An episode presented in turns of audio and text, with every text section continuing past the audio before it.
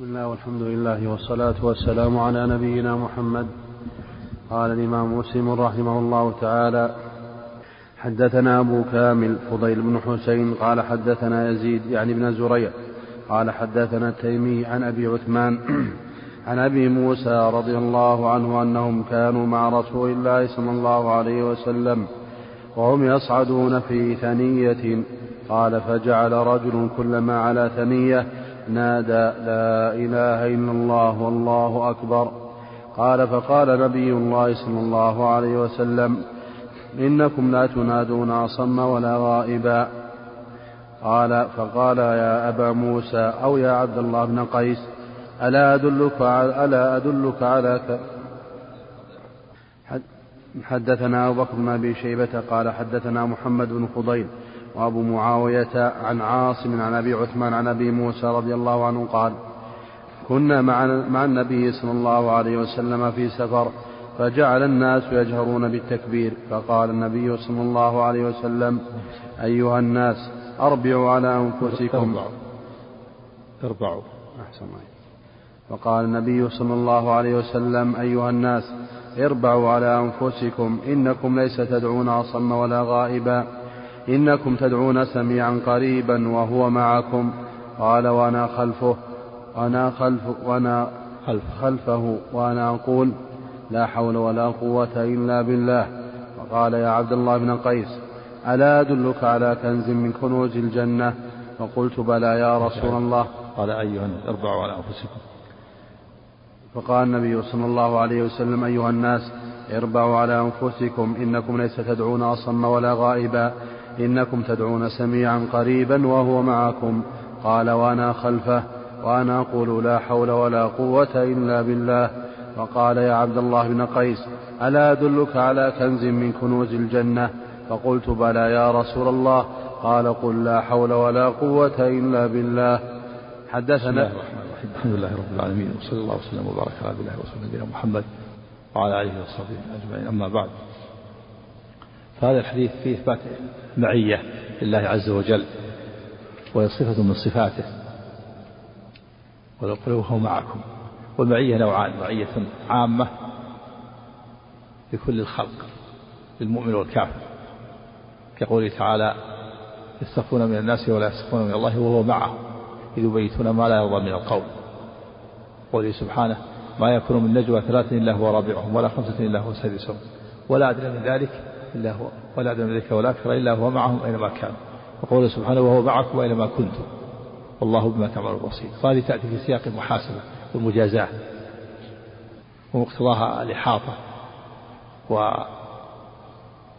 ونفوذ السمع والبصر والقدرة والمشيئة والمعية والنوع الثاني معية خاصة. خاصة بالمؤمن كقوله تعالى إن الله مع الذين اتقوا والذين هم محسنون مع المتقين. واصبروا إن الله مع الصابرين. لا تحزن إن الله معنا.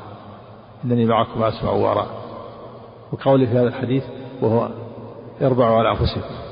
فإنكم لا تدعون أصم ولا غائبا إن الذي تدعونه سميع قريب وهو معكم. فهو سبحانه مع الذاكرين. هذه معية خاصة مع الذاكرين الداعين. وهو معكم يعني حينما تدعون الله وتذكرون هذه معية خاصة. وتقتضي الحفظ والنصر والتأييد وتأتي في سياق المدح والثناء. قول إن الذي تدعونه ليس أصم ولا غيبا إن الذي تدعونه معكم وفيه إثبات السمع لله عز وجل. وفيه أن الله حاضر وليس بغائب. قال لا أصم ولا غائب هو حاضر سبحانه وتعالى. هو على كل شيء شهيد. هو رقيب على عباده هو شاهد ليس بغائب. إن تدعونه ليس أصم ولا غائب بل هو سميع قريب في إثبات القرب لله عز وجل. كقوله سبحانه وإذا سألك عبادي عني فإني قريب. هو قرب حقيقي ليس مجاز كما يقولون. المؤولون إن الذي تدعون سميع قريب أقرب إلى أحدكم من عنق راحلته اللفظ الآخر الذي تدعون سميع قريب أقرب إلى أحدكم من عنق راحلته فهو قريب من الداعين بالإجابة ومن العابدين بالإثابة. كما قال سبحانه واسجد واقترب. ومعنى اربعوا على أنفسكم يعني ارفقوا بأنفسكم واخفضوا أصواتكم. فإن الإسلام سميع قريب. وفيه أنه ينبغي الإنسان ألا يجهد نفسه. لأن الله يسمعه في الدعاء ولا سيما إذا كان يشق عليه. وإن كان المشروع في صعود الثنايا تكبير وفي الهبوط التسبيح وفيه فضل هذه الكلمة لا حول ولا قوة إلا بالله وأنها كنز من كنوز الجنة. ومعنى لا حول ولا قوة إلا بالله لا حال يعني لا تحول لي يا الله من حال إلى حال إلا بك يا الله. لا قدرة لي على التحول من حال إلى حال إلا بك يا الله. فلا يتحول الإنسان من الفقر الغناء إلا بالله. ولا يتحول من الشقاء إلى السعادة إلا بالله. ولا يتحول من الذل إلى العز إلا بالله. ولا يتحول من الضعف إلى القوة إلا بالله. ولهذا شرع للمسلم أن يجيب المؤذن إذا قال حي على الصلاة حي على الفلاح أن يقول لا حول ولا قوة إلا بالله. يعني لا قدرة لي الله على إجابة المؤذن والإتيان بالصلاة إلا بالله. هذا التحول من حال إلى حال إلا بالله. نعم. حدثنا ابن نمير وإسحاق ابن إبراهيم وأبو سعيد الأشج جميعا عن حفص بن غياث عن عاصم بهذا الإسناد نحوه. حدثنا أبو كامل فضيل بن حسين قال حدثنا يزيد يعني ابن يعني ابن يعني ابن زريع قال حدثنا التيمي عن أبي عثمان عن أبي موسى رضي الله عنه أنهم كانوا مع رسول الله صلى الله عليه وسلم وهم يصعدون في ثنية. قال فجعل رجل كلما على ثنية نادى لا إله إلا الله لا إله إلا الله والله أكبر. قال فقال نبي الله صلى الله عليه وسلم إنكم لا تنادون أصم ولا غائبا. قال فقال يا أبا موسى أو يا عبد الله بن قيس ألا أدلك على كلمة من كنز من كنز الجنة؟ قلت ما هي يا رسول الله؟ قال لا حول ولا قوة إلا بالله. وحدثنا محمد بن عبد الأعلى قال حدثنا المعتمر عن أبيه قال حدثنا أبو عثمان عن أبي موسى رضي الله عنه قال بينما رسول الله صلى الله عليه وسلم فذكر نحوه.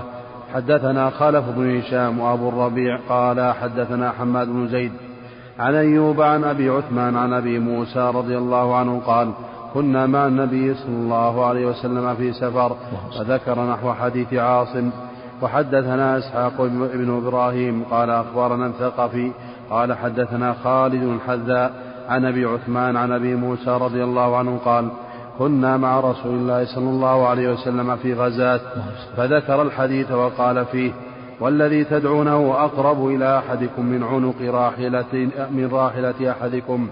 أقرب إلى أحدكم من عنق راحلة أحدكم. نعم. في إثبات القرب لله عز وجل. وأنه قريب من الداعين.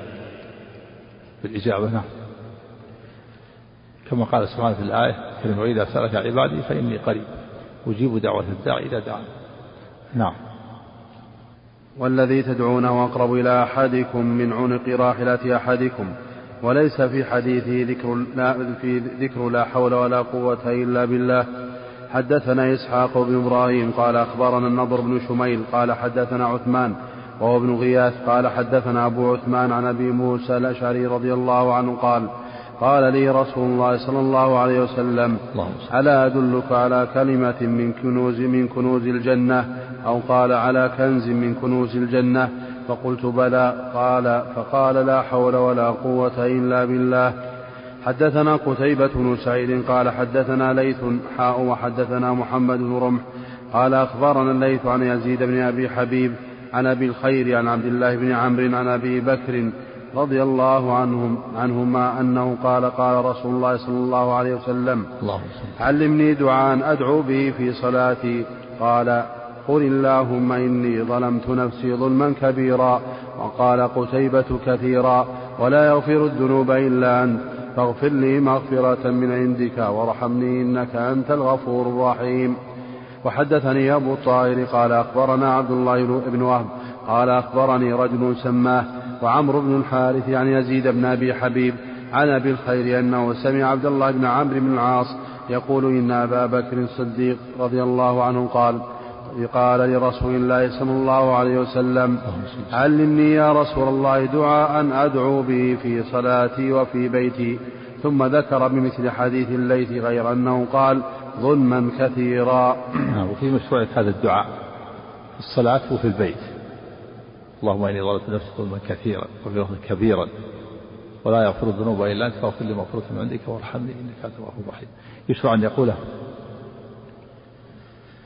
قبل قبل التسليم في آخر التشهد. ويقولها أيضا في البيت. كثيرا وكبيرا قال بعض العلماء يجمع بينهما. والصواب أنه يجمع بينهما. لكن يقول هذا ترى وهذا ترى ترى يقول كثيرا وترى يقول كبيرا.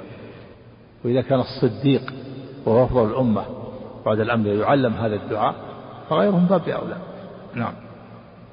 حدثنا أبو بكر بن أبي شيبة وأبو كريب واللفظ لأبي بكر. قال حدثنا ابن نمير قال حدثنا هشام عن أبي عن عائشة رضي الله عنها أن رسول الله صلى الله عليه وسلم كان يدعو بهؤلاء الدعوات. اللهم فإني أعوذ بك من فتنة النار وعذاب النار وفتنة القبر وعذاب القبر ومن شر فتنة الغنى ومن شر فتنة الفقر وأعوذ بك من شر فتنة المسيح الدجال. اللهم اغسل خطاياي بماء الثلج والبرد ونقي قلبي من الخطايا كما نقيت الثوب الأبيض من الدنس وباعد بيني وبين خطاياي كما باعدت بين المشرق والمغرب. الله. اللهم فإني أعوذ بك من الكسل والهرم والمأثم والمغرم. هذه دعوات دعوات عظيمة أعد.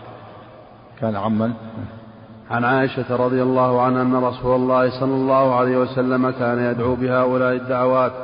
اللهم فإني أعوذ بك من فتنة النار وعذاب النار. نعم فتنة النار وعذاب النار. الاختبار الفتنة هي الاختبار الابتلاء يعني الابتلاء بالنار وعذاب النار. سواء استعاذة بالله أن يبتلى بالنار وأن يعذب بالنار. هذا قريب نوع من التكرار لأهميته استعاذ بالله من فتنة النار وعذاب النار. وفتنة هي الابتلاء يبتلى بالنار يعني يختبر ويعذب بالنار.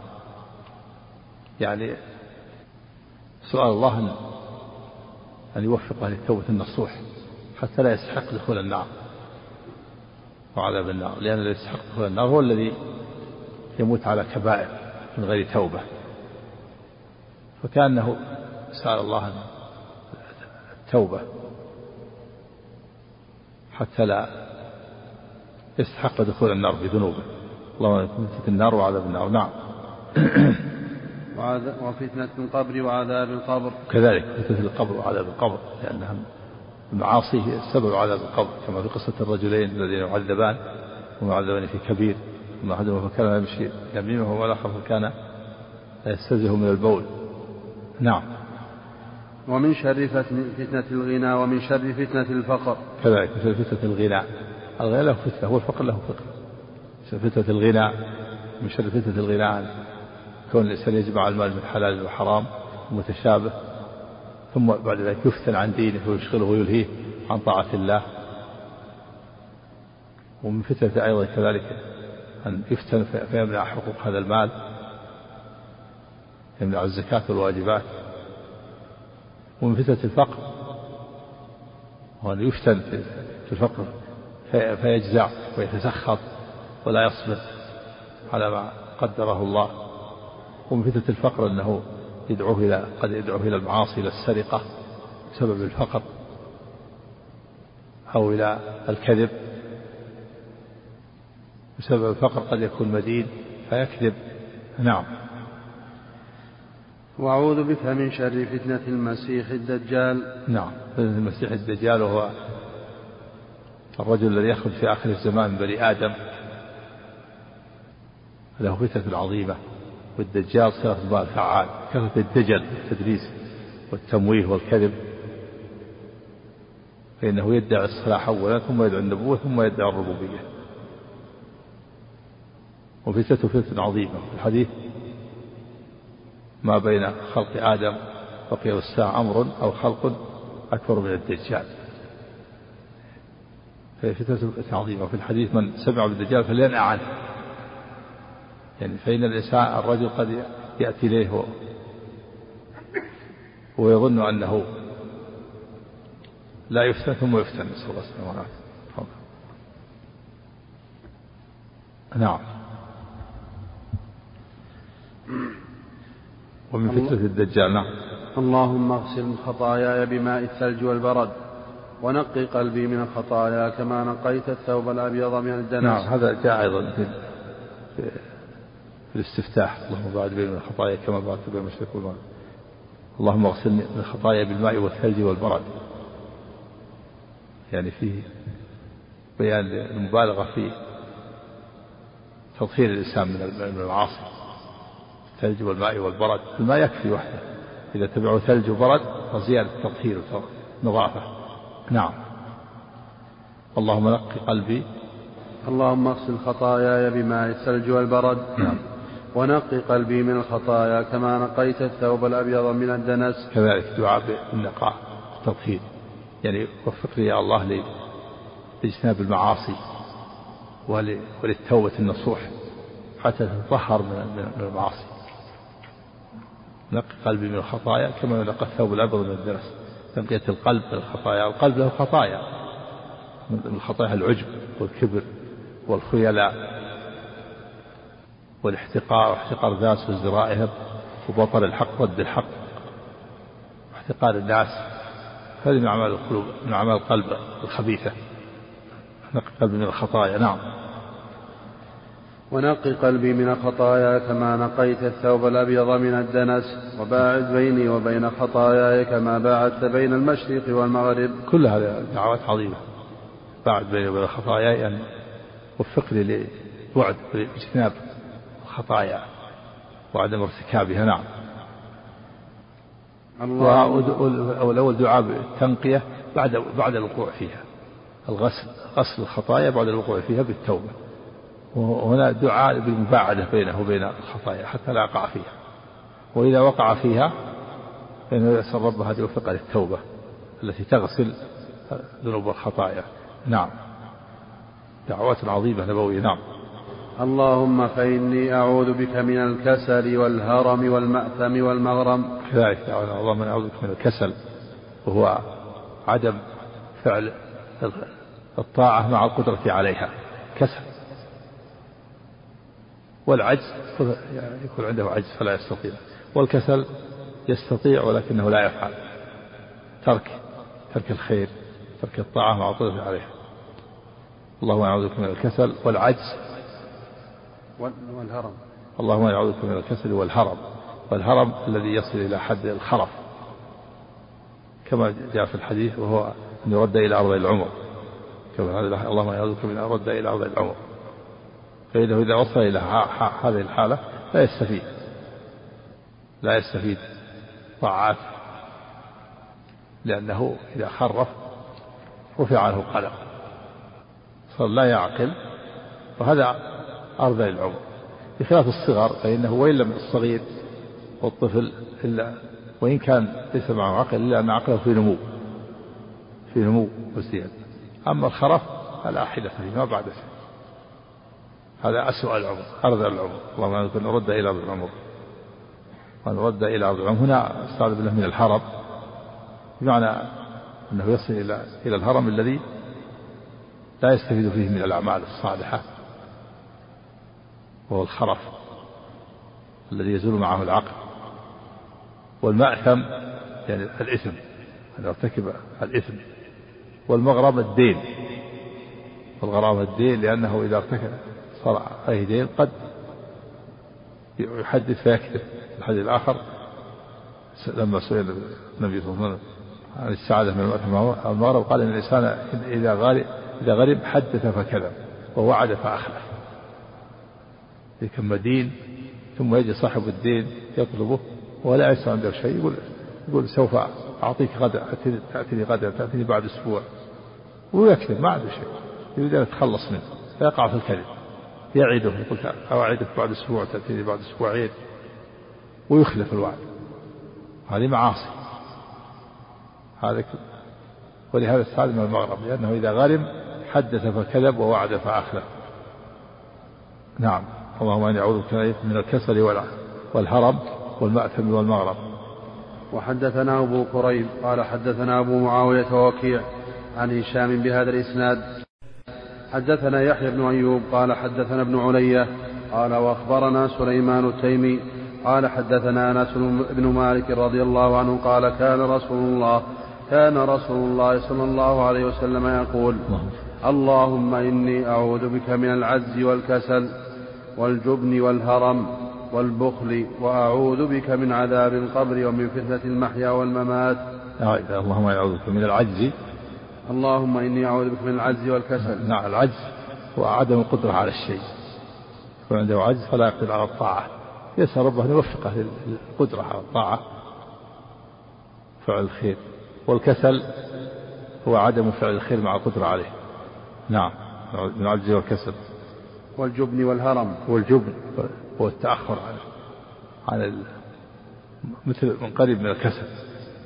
هو التأخر عن عن معالي الأمور. وعن الأعمال الخيرية يجبن فلا يترك الأمر المعروف يترك النهي عن المنكر يترك الدعوة إلى الله يترك الجهاد في سبيل الله يترك الإقدام على معالي الأمور. نعم والجبن رحمك الله. نعم. والهرم. نعم والهرم سبق. نعم. والبخل. والبخل كذلك البخل بالواجب بالواجبات. يبخل فلا يؤدي ما وجب الله عليه. من الزكاة والنفقات والكفارات. نعم. والإنفاق في المشاريع الخيرية. نعم. وأعوذ بك من عذاب القبر ومن فتنة المحيا والممات. نعم. وأعوذ بك من عذاب القبر. يعني من أسباب عذاب القبر وهي المعاصي التي يعذب بها في قبره. ك كعدم الاستنزاه من البول والغيبة والنميمة. ومن فتنة المحيا الفتن التي تكون في الحياة. فتن الشبهات والشهوات فتن الحروب فتن الأموال. ومن فتنة المحيا والفتنة عند الموت. الفتنة عند موته. فإن الشيطان يحرص على الإنسان عند موته. حتى مثلا فيجور في الوصية. أو لا يتكلم بالشهادة. أو غير ذلك. أو يتكلم بما يغضب الله فيختم له بسوء. نعم. نعم. اللهم إني أعوذ بك. اللهم إني أعوذ بك من العجز والكسل والجبن والهرم والبخل وأعوذ بك من عذاب القبر ومن فتنة المحيا والممات. وحدثنا أبو كامل قال حدثنا يزيد بن زريع حاء وحدثنا محمد بن عبد الأعلى قال حدثنا معتمر. كلاهما عن التيمي عن أنس رضي الله عنه وعن النبي صلى الله عليه وسلم بمثله. غير أن يزيد ليس في حديثه قوله ومن فتنة المحيا والممات. حدثنا أبو كريب محمد بن علاء قال أخبرنا ابن مبارك عن سليمان التيمي عن أنس بن مالك رضي الله عنه عن النبي صلى الله عليه وسلم أنه تعوذ من أشياء ذكرها والبخل. حدثنا أبو بكر بن نافع العبدي قال حدثنا بهز بن أسد العمي قال حدثنا هارون الأعور قال حدثنا شعيب بن الحبحاب عن أنس رضي الله عنه قال كان النبي صلى الله عليه وسلم يدعو بهؤلاء الدعوات اللهم إني أعوذ بك من البخل والكسل وأرذل العمر وعذاب القبر ومن فتنة وفتنة المحيا والممات. نعم أرذل العمر هو, هو, هو الهرم. نعم الهرم الذي يؤدي إلى أرذل العمر نعم أرذل العمر هو الخرف الذي يزول معه العقل نعم حدثني عمرو الناقد وزهير بن حرب قال حدثنا سفيان بن عيينة قال حدثني سمي, سمي قال حدثني سمي عن أبي صالح عن أبي هريرة رضي الله عنه أن النبي صلى الله عليه وسلم الله. كان يتعوذ من سوء القضاء ومن درك الشقاء ومن شماتة الأعداء ومن جهد البلاء. قال عمرو في حديثه قال سفيان أشك أشك أني زدت واحدة منها. نعم. هذه هذه الدعوات من سوء القضاء. يعني أن يقدر عليه ما يسوءه مما يكون سببا في نقص عمله الصالح. فإن يقدر عليه مرض فلا يصبر. فيجزع أو يقدر عليه فقر فيتسخط أو يقدر عليه غنى يكون سبب في فتنته وانحرافه وضلاله. ودرك الشقاء. يسأل الله ألا يدركه الشقاء. وشماتة الأعداء وجهد البلاء. يعني البلاء الذي يجهده.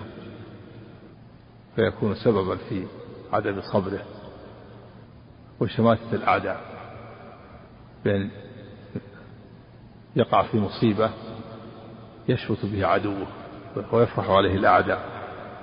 هذه دعوات عظيمة. اللهم أعوذ بك من سوء القضاء ودرك الشقاء وجهد البلاء وشماتة الأعداء. تكلم عليه الشارع قال أعرف جهد البلاء؟ أما درك الشقاء نعم. فالمشهور فيه فتح الراء وحكى القاضي وغيره. أن بعض رواة مسلم رواها رواه ساكنها. من درك الشقاء نعم. وهي لغة وجهد البلاء بفتح الجيم وضمها الفتح أشهر وأفصح. فأما الاستعاذة من سوء القضاء فيدخل في سوء القضاء في الدين, في الدين والدنيا والبدن والمال والأهل. نعم. قد يكون ذلك في الخاتمة. نعم سوء القضاء في الدين والدنيا. قد شيء في, في دينه يضره يكون سببا في فتنته أو في دنياه. أو في بدنه أو في ماله أو في ولده. نعم.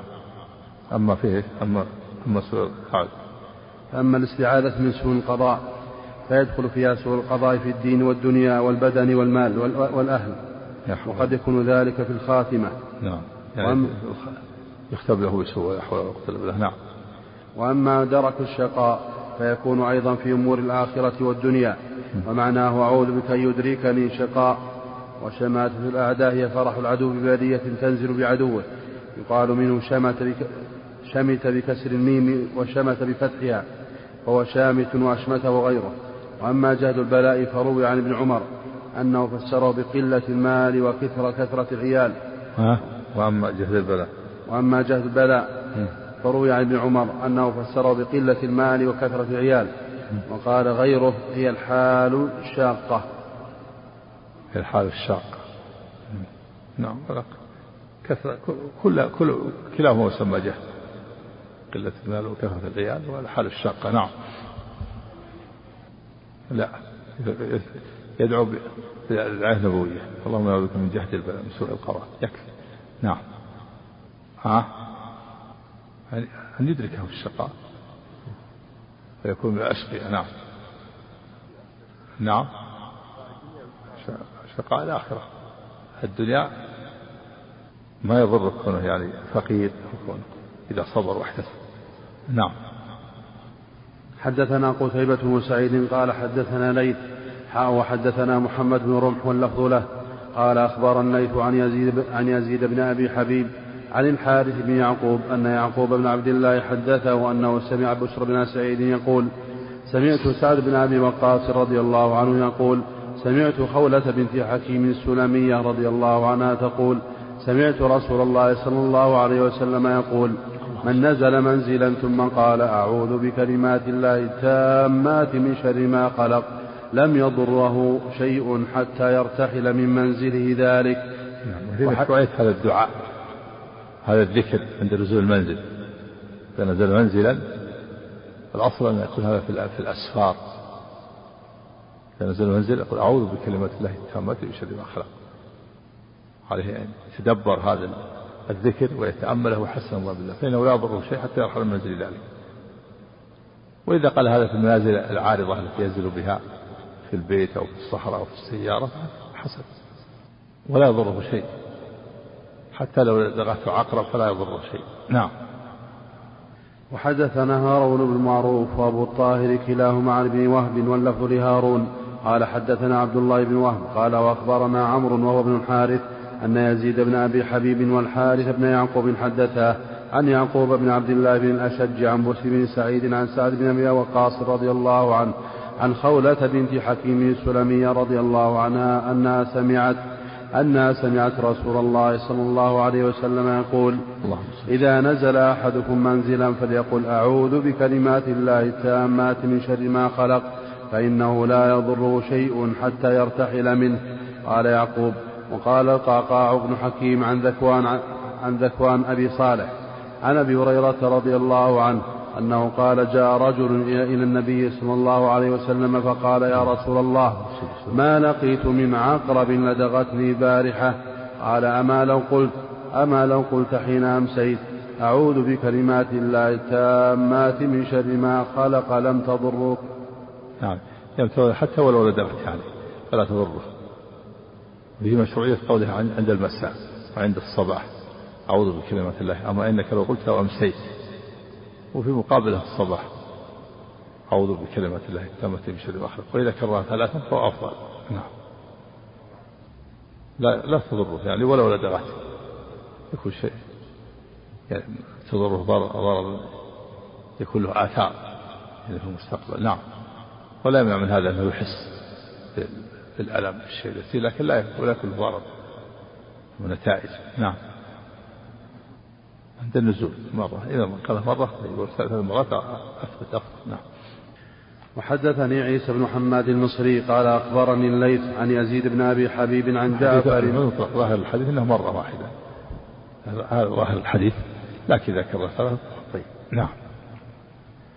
وحدثني عيسى بن حماد المصري قال أخبرني الليث عن يزيد بن أبي حبيب عن جعفر عن يعقوب أنه ذكر له أن أبا صالح مولى غطفان أخبره أنه سمع أبا هريرة رضي الله عنه يقول قال رجل يا رسول الله لدغتني عقرب بمثل حديث ابن وهب. حدثنا عثمان بن أبي شيبة وإسحاق بن إبراهيم واللفظ لعثمان. قال إسحاق أخبرنا وقال عثمان حدثنا جرير عن منصور عن سعد بن عبيدة قال حدثني البراء بن عازب رضي الله عنه أن رسول الله صلى الله عليه وسلم قال إذا أخذت مضجعك فتوضأ وضوءك للصلاة ثم اضطجع على شقك الأيمن ثم قل اللهم إني أسلمت وجهي إليك وفوضت أمري إليك وألجأت وألجأت ظهري إليك رغبة ورهبة إليك لا ملجأ ولا منجأ منك إلا إليك آمنت بكتابك الذي أنزلت وبنبيك الذي أرسلت واجعلهن من آخر كلامك فإن مت من ليلتك مت وأنت على الفطرة. قال فرددتهن لأستذكرهن فقلت آمنت برسولك الذي أرسلت. قال قل آمنت بنبيك الذي أرسلت. نعم وهذا في مشروعية هذا الذكر عند النوم. وفي هذا الحديث فيه ثلاثة سنن. السنة الأولى الوضوء عند النوم إذا أراد النوم يتوضأ وضوء للصلاة. له فوائد فإذا يكون على طهارة فلو مات كان على طهارة من فوائده أن الشيطان لا يتلاعب به ولا يرى رائع تزعجه رؤيا تزعجه. ينام يتوضأ. ثانيا يضطجع على شقه الأيمن ينام على شقه الأيمن. لأنه أعون على القيام والانتباه. وثالثا يقول هذا الدعاء في آخر ما يقول. توضأ وضوء للصلاة ثم يضطجع على شقه الأيمن ثم يقول هذا الدعاء. الذي دعاء عظيم وذكر في التجاء إلى الله. اللهم أسلمت وجهي إليك. وفي الأخرى اللهم أسلمت نفسي إليك. يعني سلمت نفسي إليك يا الله.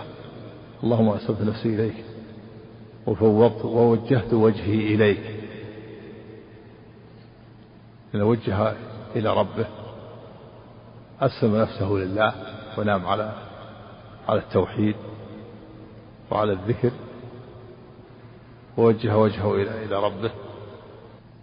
وفوضت أمري إليك فوض أمره إلى الله ووكله إلى الله وألجأت ظهري إليك. رغبة ورهبة إليك يعني خوفا ورجاء. لا ملجأ ولا منجأ منك إلا إليك. إذا براءة من الحول والقوة. لا ألتجئ بأحد ولا ينجي أحد. لا أحد ألتجئ إليه ولا أحد ينجي منك إلا إليك. لا ملجأ ولا منجأ منك إلا إليك. مثل قول لا حول ولا قوة إلا بالله ومثل قوله في الحديث الآخر وأعوذ بك منك. اللهم أنا أعوذ برضاك من سخطك وبمعافتك من عقوبتك وأعوذ بك منك. لا ملجأ ولا منجأ منك إلا إليك. لا ملجأ من الله إلا إليه لا هرب من الله إلا إلى الله. لا يستعاذ إلا بالله من الله. لأن كل شيء بيده سبحانه وتعالى. ثم قال آمنت بكتابك الذي أنزلت. آمنت بكتابك الذي أنزلت وهو القرآن الكريم. وبنبيك الذي أرسلت. فجعل يرددهن يستذكرهن فقال آمنت برسولك الذي أرسلت. فقال لا قل آمنت بنبيك الذي أرسلت. غير. قال آمنت بكتابك الذي أنزلت وبنبيك الذي أرسلت وبنبيك الذي أرسلت. فرددها يستذكرها فقال آمنت بكتابك الذي أنزلت وبرسولك الذي أرسلت. فرد عليه النبي صلى الله عليه وسلم قال لا قل وبنبيك الذي أرسلت. لا تغير. وذلك لأن الأذكار تبقى على لا تغير تبقى على لفظها. بحروفها. فالذكر والدعاء لا يغير ولا يترجم إلى اللغات الأخرى ولا يروى بالمعنى وإنما يبقى على اللفظ يروى بألفاظه وحروفه فلا يغير. هذا هو السبب. السبب في كون أنكر عليه أن الأذكار تبقى بألفاظها وحروفها فلا تغير ولا تروى بالمعنى. وتعبد بتلاوتها. مثل القرآن كما القرآن لا يغير كذلك الأذكار والأدعية لا تغير تبقى بألفاظها وحروفها. أو لأن المعنى مختلف. قولوا بنبيك الذي أرسلت مختلف. النبي غير غير الرسول فغير المعنى مع ما فيه من جزالة اللفظ والجمع بين النبوة والرسالة في اللفظ الأول ولهذا أنكر عليه. إذا قال ورسولك الذي أرسلت ما جمع بين النبوة والرسالة؟ فاختلف المعنى. المعنى يختلف. مع ما فيه من جزالة اللفظ والجمع بين النبوة والرسالة. نعم. وحدثنا محمد بن عبد الله بن نمير قال حدثنا عبد الله يعني بن إدريس قال سمعت حسينا عن سعد بن عبيدة عن البراء بن عازب رضي الله عنه عن النبي صلى الله عليه وسلم بهذا الحديث غير أن منصورا أتم حديثا وزاد في حديث حسين. وإن أصبح أصاب خيرا. حدثنا نعم محمد. في فوائده أنه إن مت مت على الفطرة على الإسلام. وإن وإن أصبحت أصبت خيرا. من فوائد هذا الذكر أنه إذا مات مات على الفطرة. وإذا أصبح أصاب خيرا. نعم. حدثنا محمد المثنى قال حدثنا أبو داود قال حدثنا شعبة حاء وحدثنا ابن بشار قال حدثنا عبد الرحمن وأبو داود قال حدثنا شعبة عن عمرو بن مرة قال سمعت سعد بن عبيدة يحدث عن البراء بن عازب رضي الله عنه أن رسول الله صلى الله عليه وسلم أمر رجلا إذا أخذ مضجعه من الليل أن يقول اللهم أسلمت نفسي إليك ووجهت وجهي إليك وألجأت ظهري إليك وفوضت أمري إليك رغبة ورهبة إليك لا ملجأ ولا منجأ منك إلا إليك آمنت بكتابك الذي أنزلت برسولك الذي أرسلت فإن مات مات على الفطرة ولم يذكر ابن بشار في حديثه من الليل. هذا لا برسولك الذي أرسلت. إيش قال على قوله له برسولك الذي أرسلت؟ هذه الرواية غير الرواية الأخرى. يحتمل أنه رواها بمعنى أو أنها وهم بعض الرواة. الرواية الأولى قال له لما قالوا بنبي رسولك الذي قال رد عليه قال لا قل وبنبيك الذي أرسل. ما تكلم عليها؟ لا لا ما الحديث الآخر وبرسولك الذي أرسل. هذا الأول. ها؟ نعم. حدثنا يحيى بن يحيى قال أخبرنا الأبو, الأبو الأحوص عن أبي إسحاق عن أبي إسحاق عن البراء بن عازب رضي الله عنه قال قال رسول الله صلى الله عليه وسلم لرجل يا فلان إذا أويت إلى فراشك بمثل حديث عمرو بن مرة غير أنه قال بنبيك الذي أرسلت فإن مت من ليلتك مت على الفطرة وإن أصبحت أصبت خيرا. حدثنا ابن مثنى وابن بشار قال حدثنا محمد بن جعفر قال حدثنا شعبة عن أبي إسحاق أنه سمع البراء بن عازب رضي الله عنه يقول أمر رسول الله صلى الله عليه وسلم رجلا بمثله ولم يذكر وإن أصبحت أصبت خيرا. حدثنا عبيد الله بن معاذ قال حدثنا أبي قال حدثنا شعبة عن عبد الله بن أبي السفر عن أبي بكر بن أبي موسى عن البراء رضي الله عنه أن النبي صلى الله عليه وسلم كان إذا أخذ, أخذ مضجعه قال اللهم باسمك أحيا وباسمك أموت وإذا استيقظ قال الحمد لله الذي أحيانا بعدما أماتنا وإليه النشور. نعم في هذا الذكر عند النوم وعند اليقظة. عند النوم يقول باسمك اللهم أحيا وأموت. ينام على الذكر. على اسم الله. يعني يعني أنام وأحيا وأموت على اسمك يا الله وعلى ذكرك على ذكرك. اسمك اللهم أحيا وأموت. وإذا استيقظ قال الحمد لله الذي أحيانا بعد ما ماتنا وإليه النشور. سمى اليقظة من النوم حياة.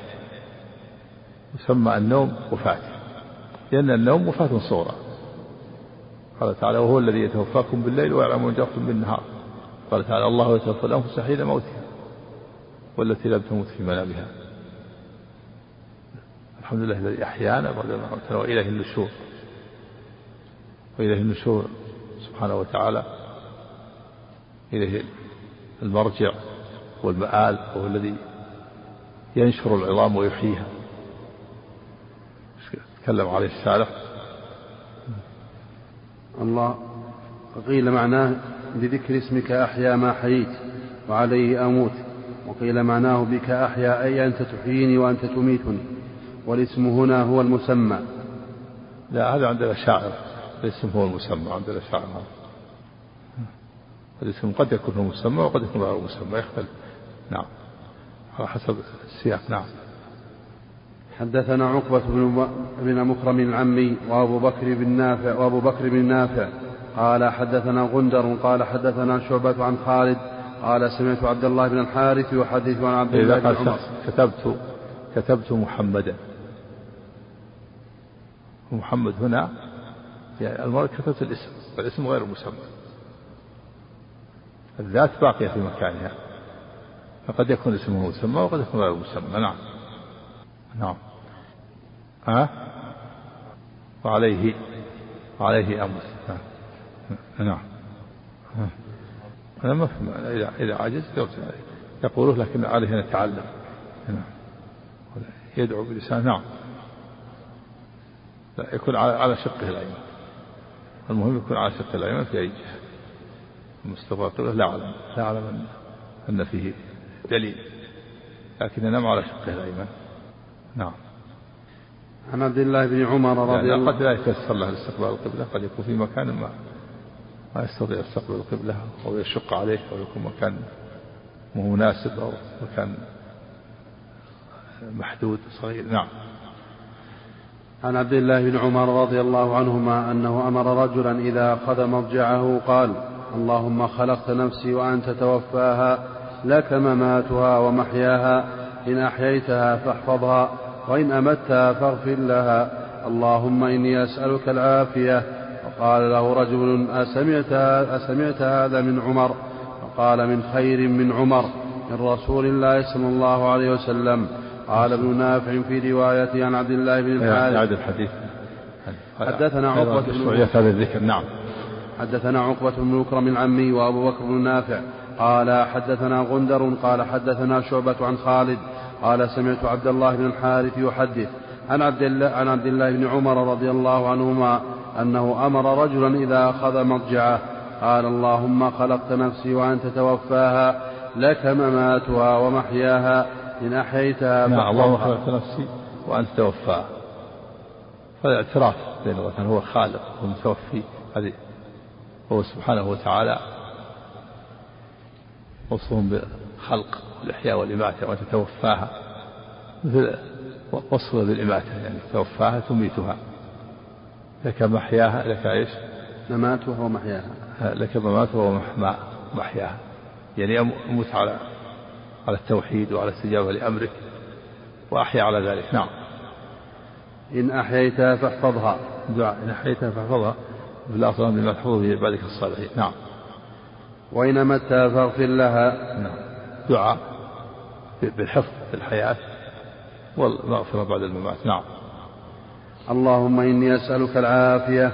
نعم وهذا دعاء عظيم. نسأل الله العافية. عام هذا من جوامع الكلم العافية من شرور الدنيا والآخرة. فإذا رزق الله الإنسان العافية فقد حصل على خير الدنيا والآخرة. العافية في الدنيا من من الفتن من مضلات الفتن والعافية من الشرور. والعافية من البلاء والمصائب والعافية من شر الأعداء وفي الآخرة العافية من عذاب القبر العافية من عذاب النار. نعم. فقال له رجل أسمعت هذا من عمر؟ فقال من خير من عمر من رسول الله صلى الله عليه وسلم. قال ابن نافع في رواية عن عبد الله بن حارث ولم يذكر سمعت. حدثني زهير بن حرب قال حدثنا جرير عن سهيل قال كان أبو صالح يأمرنا إذا أراد أحدنا أن ينام. أن يضطجع على شقه الأيمن ثم يقول اللهم رب السماوات ورب الأرض ورب العرش العظيم ربنا ورب كل شيء فارق الحب والنوى فارق الحب والنوى ومنزل التوراة والإنجيل والفرقان. أعوذ بك من شر كل شيء أنت آخذ بناصيته. اللهم أنت الأول فليس قبلك شيء وأنت الآخر فليس بعدك شيء وأنت الظاهر فليس فوقك شيء. وأنت الباطن فليس دونك شيء. اقض عنا الدين وأغننا من الفقر. وكان يروى ذلك يروي ذلك عن أبي هريرة رضي الله عنه عن النبي صلى الله عليه وسلم. نعم في مشروعية هذا الذكر أيضا عند النوم وفيه مشروعية الاضطجاع على شق العين. اللهم ربنا رب السماوات والأرض خالق الحب والنوى منزل التوراة والإنجيل والقرآن. يقضي عني الدين وأغني من الفقر. يقول هذا ولو لم يكن عليه دين. لأن الدين يشمل دين دين الله ودين العباد.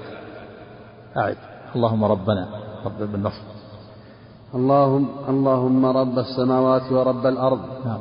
ورب العرش العظيم. نعم. اللهم رب السماوات ورب الأرض ورب العرش العظيم. نعم. هذا قريب من دعاء الكرب. نعم. ورب كل شيء. نعم. فالق يا ربوبية الله عامة في كل شيء. قل غير الله يا ربا وهو رب كل شيء. نعم. اللهم ربنا اللهم رب السماوات ورب الأرض ورب العرش ورب كل شيء. فالق الحب والنوى نعم. فالق الحب والنوى هو الذي سبحانه فلق الحب. وجعل فلقتين والنوى يكون في نصر التمرة. فلقها نعم. ومنزل التوراة والإنجيل والفرقان. نعم منزل التوراة والإنجيل والقرآن الكتب الثلاثة العظيمة. يدل على أنها منزلة وأنها غير مخلوقة وفي رد على من قال إنها مخلوقة. وكان أنزل التوراة تكلم بها وأنزل الإنجيل وأنزل الفرقان وهو القرآن من أسماء الله القرآن الفرقان أسماء القرآن الفرقان لأنه يفرق بين الحق والباطل.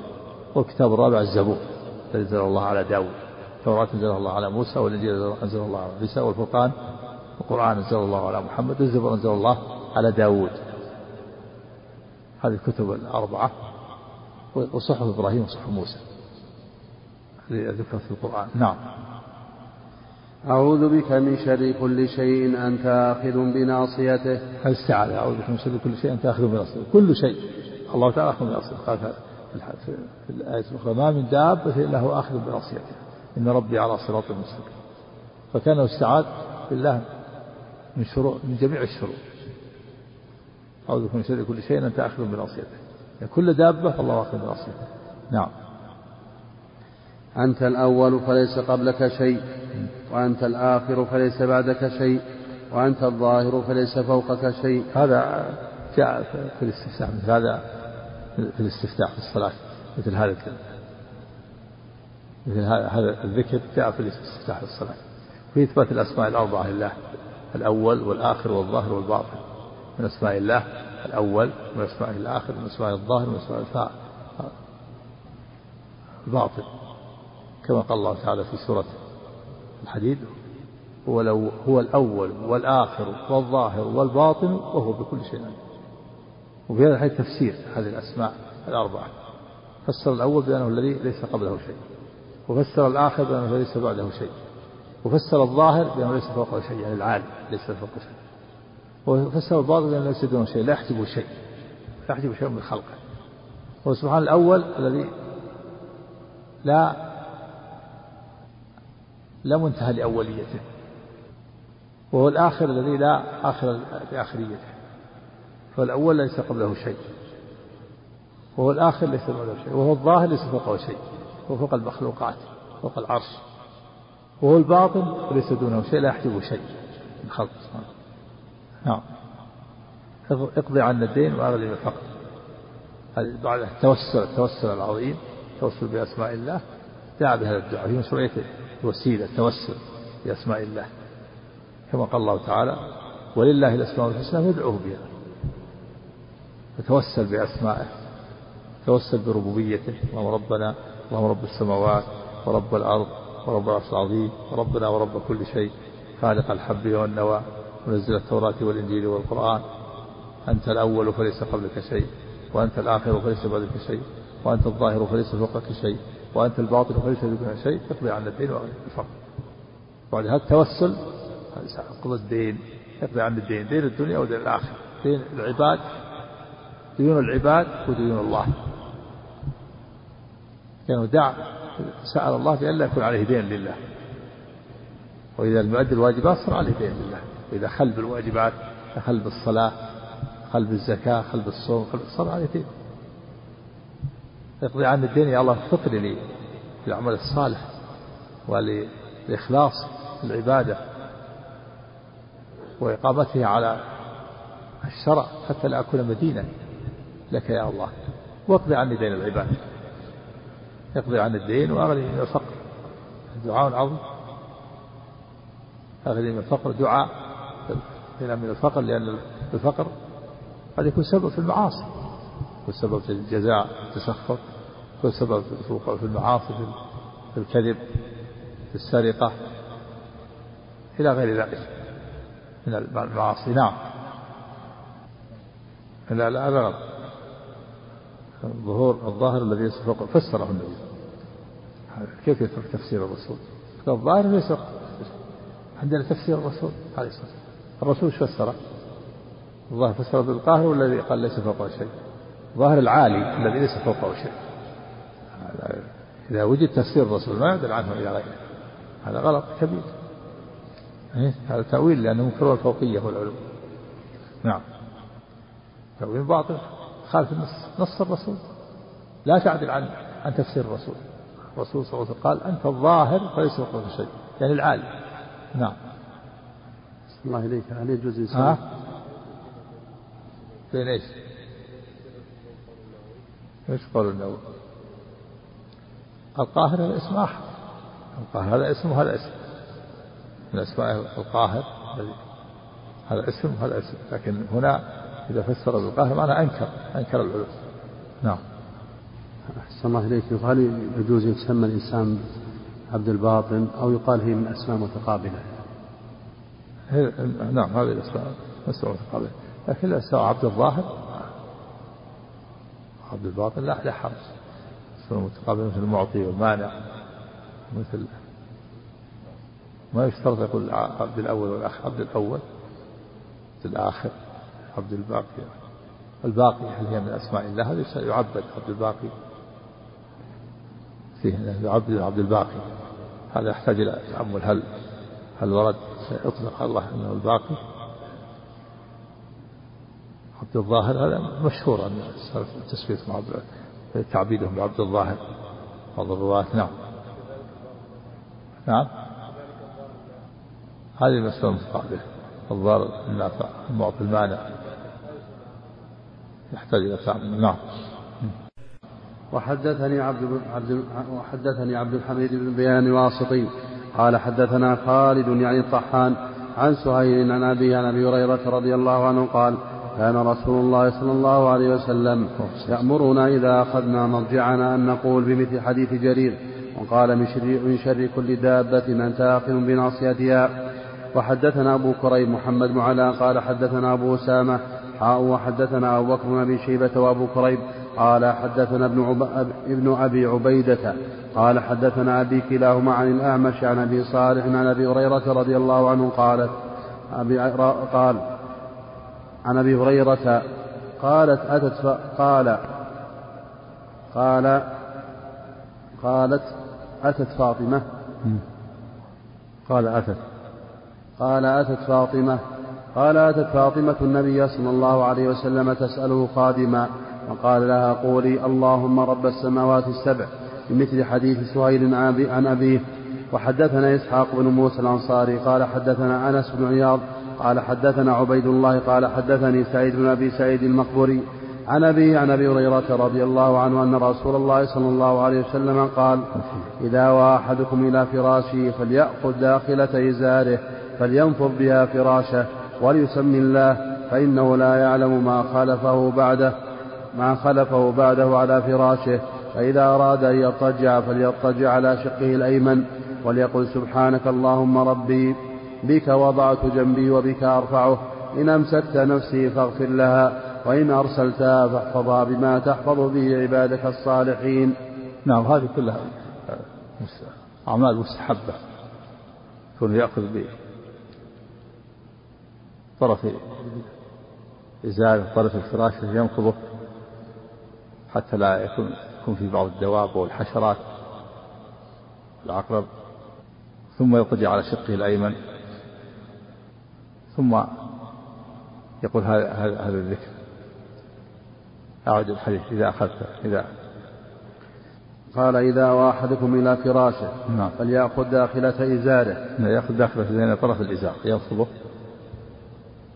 قال في الحديث قال فإنه لا يدري ما خلفه عليه. قد يكون فيه بعض الحشرات المؤذية قد يكون فيه بعض